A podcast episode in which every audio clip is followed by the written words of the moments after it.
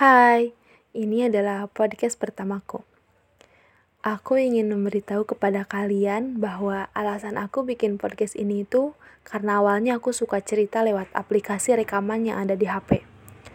Setelah aku sadari, ternyata sayang sekali jika rekaman itu hanya disimpan sebagai koleksi saja. Jadi maksud aku membuat podcast ini untuk berbagi apa yang aku rasa.